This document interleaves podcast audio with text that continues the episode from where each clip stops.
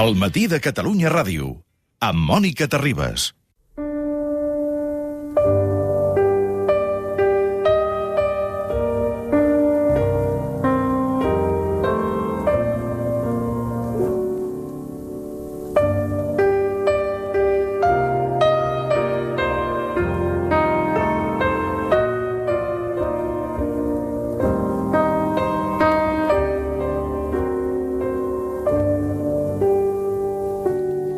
Aviat el darrer supervivent i el darrer botxí d'Auschwitz es reuniran amb els que van ser assassinats al camp.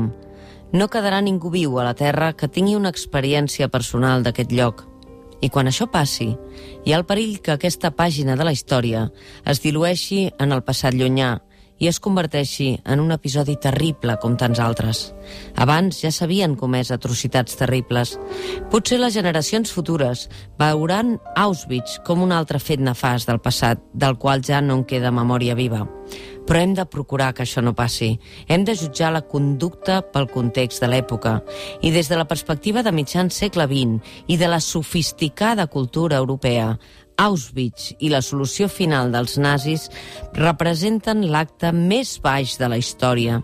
Amb el crim que van cometre, els nazis van demostrar al món què poden arribar a fer uns éssers humans educats i avançats des del punt de vista tecnològic, només que tinguin prou sang freda per fer-ho. I ara que ho sabem, no podem permetre que s'oblidi el que van fer.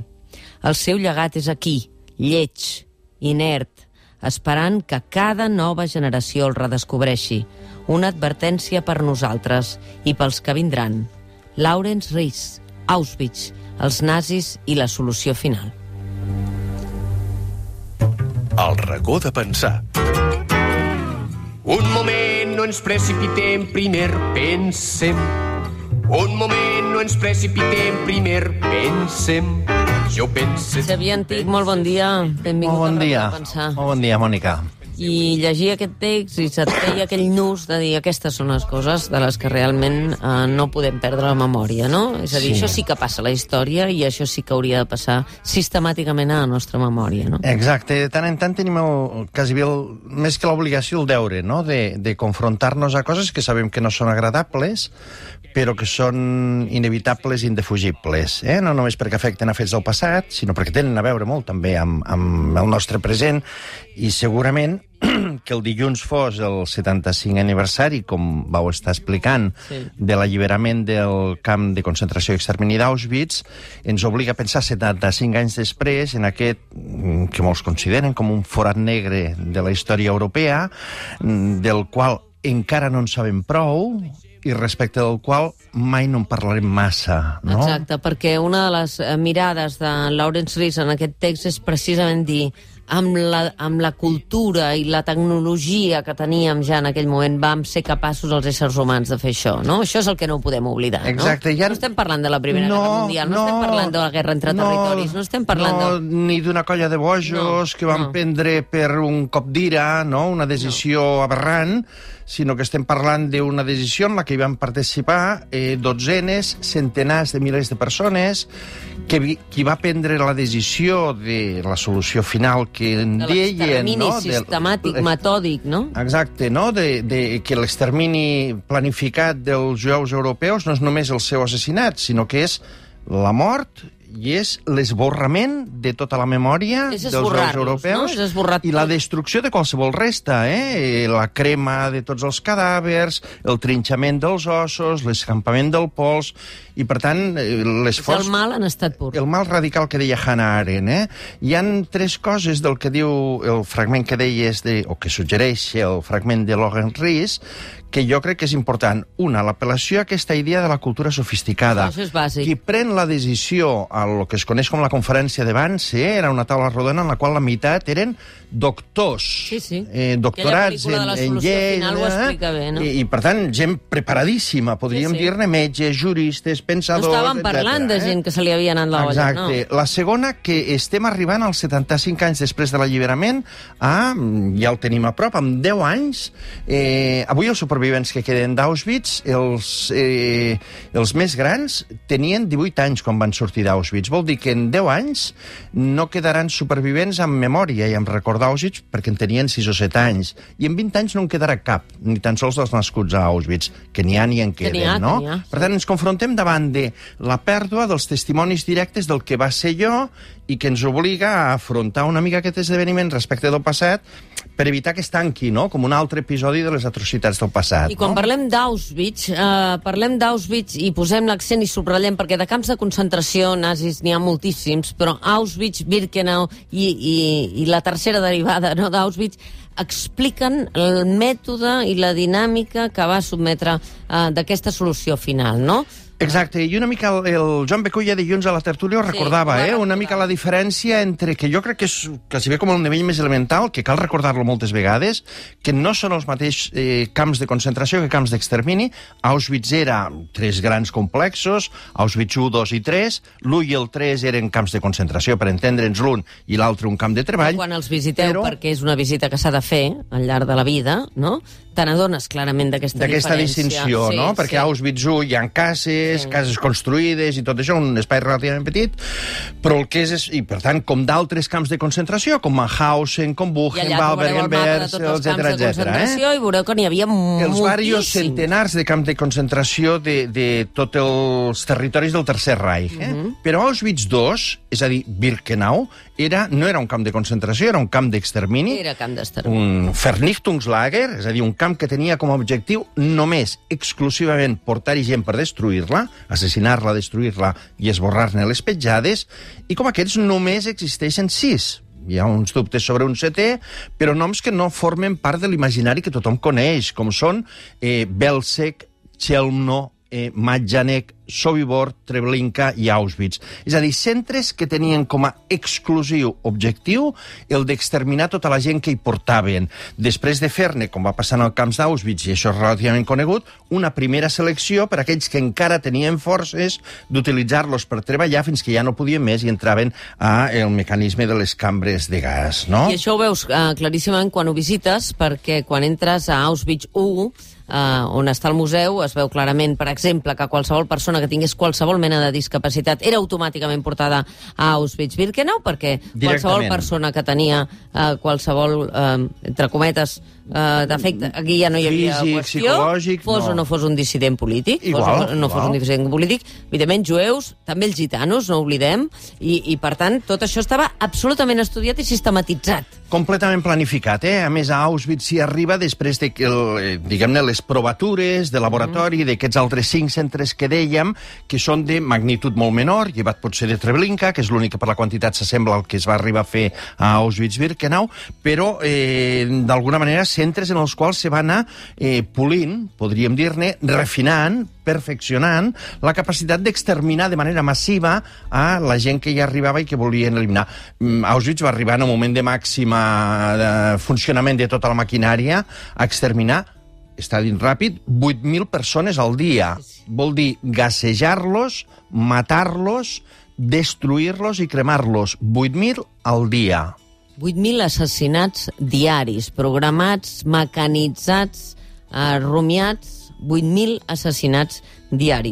Uh, parlem dels testimonis, uh, estimat, perquè es va alliberar el camp aquella nit. Aquests dies dèiem, oh, Vladimir Putin no hi va anar, i eren bàsicament tropes soviètiques les que van alliberar Auschwitz-Birkenau, i això s'ha d'entendre en el context del que està passant. Uh, L'altre dia discutien, no? Mai parlem dels assassinats de Stalin. Bueno, és que estem parlant d'Auschwitz. Està clar, està clar, no? Estem I parlant més- d'Auschwitz, eh? I, I cal recordar-ho més, perquè eh, abans... De, de fet, quan entren les tropes soviètiques a, a Auschwitz, pràcticament no hi troben ningú, perquè ja durant aquell mes de gener del 45, en el qual Europa estava travessada per un vent àrtic absolutament gèlid, durant aquelles setmanes es van dedicar a buidar el camp.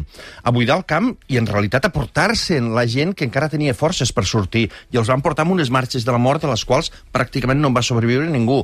I es van quedar només a Auschwitz i Auschwitz-Birkenau els que no es podien moure. Quan entren les tropes soviètiques, només se'n troben al camp de treball de Monòvitz 600 persones, se'n troben 1.000 a Auschwitz, on avui està el museu, com tu recordaves, i a Birkenau se'n troben 6.000. 6.000 persones que no es podien ni moure. És curiós perquè l'alliberament aleshores, Mònica, això m'agrada recordar-ho, no va ser cap notícia. Pràcticament només hi han dos notes periodístiques que parlen de l'alliberament d'Auschwitz. Una nota del diari Pravda i una nota d'un diari jueu eh, britànic. És a dir, pràcticament no hi van donar cap importància, mm. perquè pensaven que allà a Auschwitz s'havia fet una cosa del que ja s'havia fet a Matjanek, que és el primer lloc en el qual se posa en marxa el ciclón B. I aquí la clau no? està en qui ha estudiat uh, Raúl Hilbert, que va estudiar els testimonis, els testimonis d'Auschwitz, en un, un monumental llibre de referència a la destrucció dels jueus europeus. La política d'extermini nazi tenia, uh, com, a, com ens deia ara en Xavier, exterminar-los. I, per tant, els testimonis d'aquelles atrocitats a Auschwitz Auschwitz van ser claus per reconstruir el que hi passava allà dins. Exacte, i d'aquí una mica la importància també d'escoltar les veus dels que ens ho van explicar. En el cas només d'Auschwitz tenim tres noms que coneix tothom. Un, Primo Levi, que pràcticament ja és una lectura obligada per escolars de tot el món, i els altres dos, que són Imre Cartés i Elie Wiesel, són dos premis Nobel. Per tant, són gent molt coneguda. Però fixa't, són veus d'homes. Són, On estan les dones? Són veus d'homes. Sí, sí. Primer, són veus de gent que no va estar a Birkenau, sinó que estaven, com el cas de Primo Levi, en Auschwitz 3, i per tant treballant com a químic, per entendre'ns. Eh? I jo crec que una mica el gran repte davant els confrontem ara és recuperar totes aquestes veus que testimoniaven d'allò, que estaven a Birkenau i que ens poden oferir detalls encara a hores d'ara esfereïdors, perquè moltes coses no les coneixíem del que va passar allí.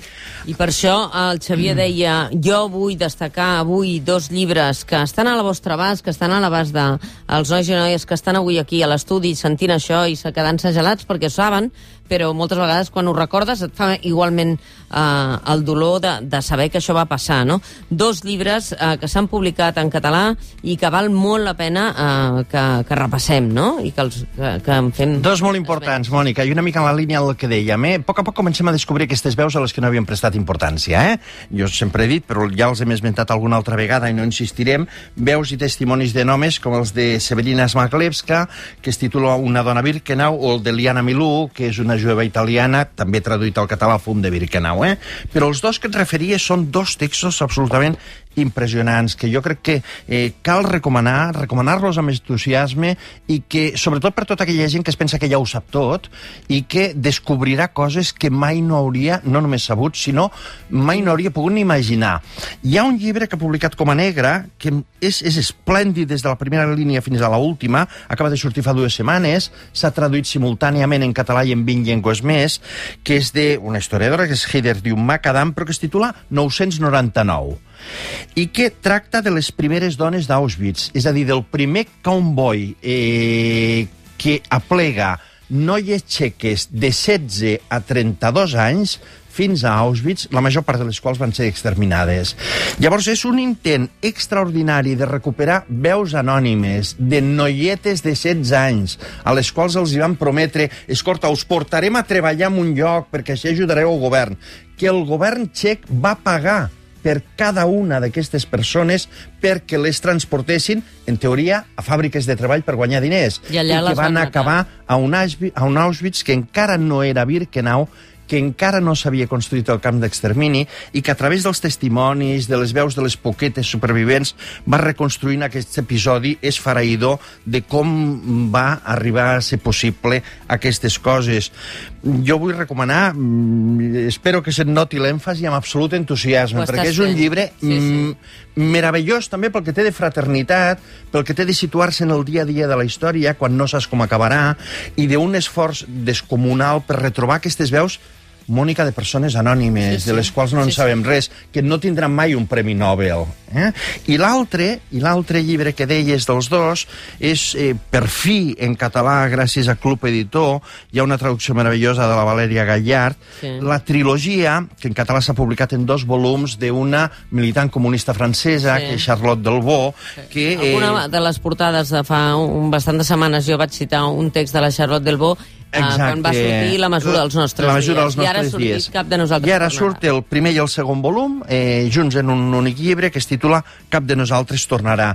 Té la meravella de que mm, aquest llibre de Charlotte Delbo és una lectura al meu entendre absolutament inoblidable, que ens acosta a tot l'horror des d'una mirada de dona del camp de Birkenau, d'aquelles que més a prop estaven d'on passaven totes aquestes coses, però que alhora és un monument de fraternitat i de solidaritat, de persistència, de perseverança, de, de lluita pel dia a dia per sobreviure i de l'exigència responsable de testimoniar per les que ja no ho poden fer. Quan llegeixes la mesura dels nostres dies i veus la solidaritat aquesta de saber tu igual no hi seràs, jo igual no hi seré, no? Aquesta, aquesta situació de tu a tu de dir eh, aquí de les dues eh, li tocarà sobreviure, no? I a la que li toca li tocarà també testimoniar, no?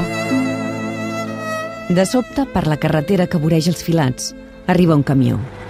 Circula per la neu, va carregat de dones. Van dretes, amb el cap nu. Les seves boques criden.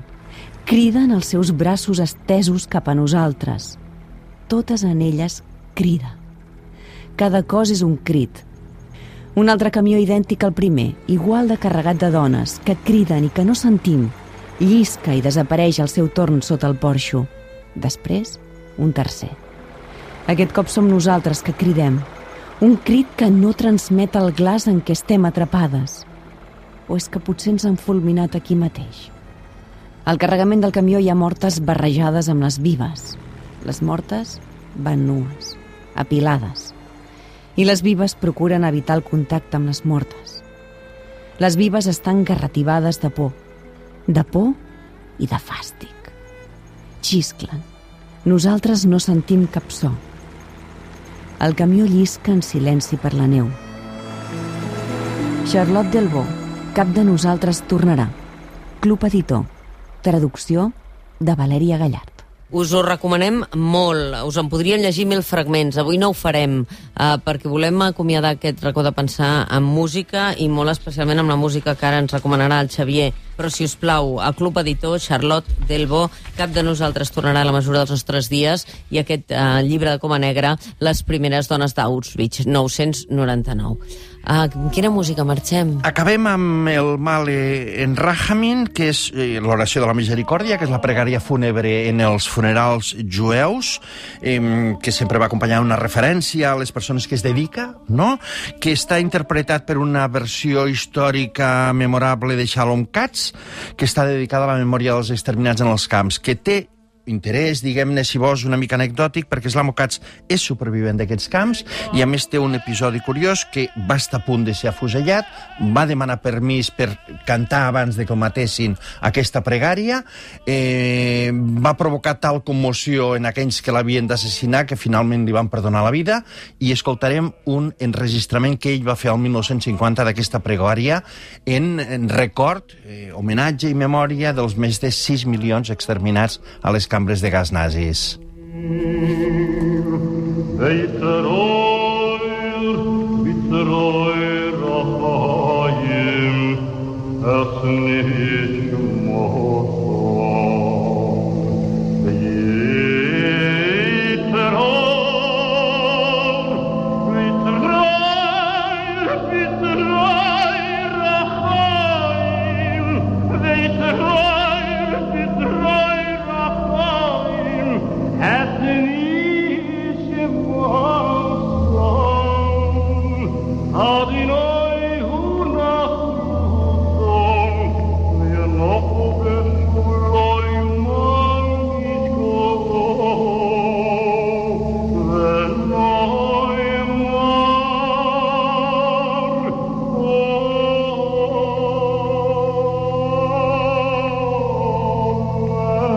matí de Catalunya Ràdio, amb Mònica Terribas.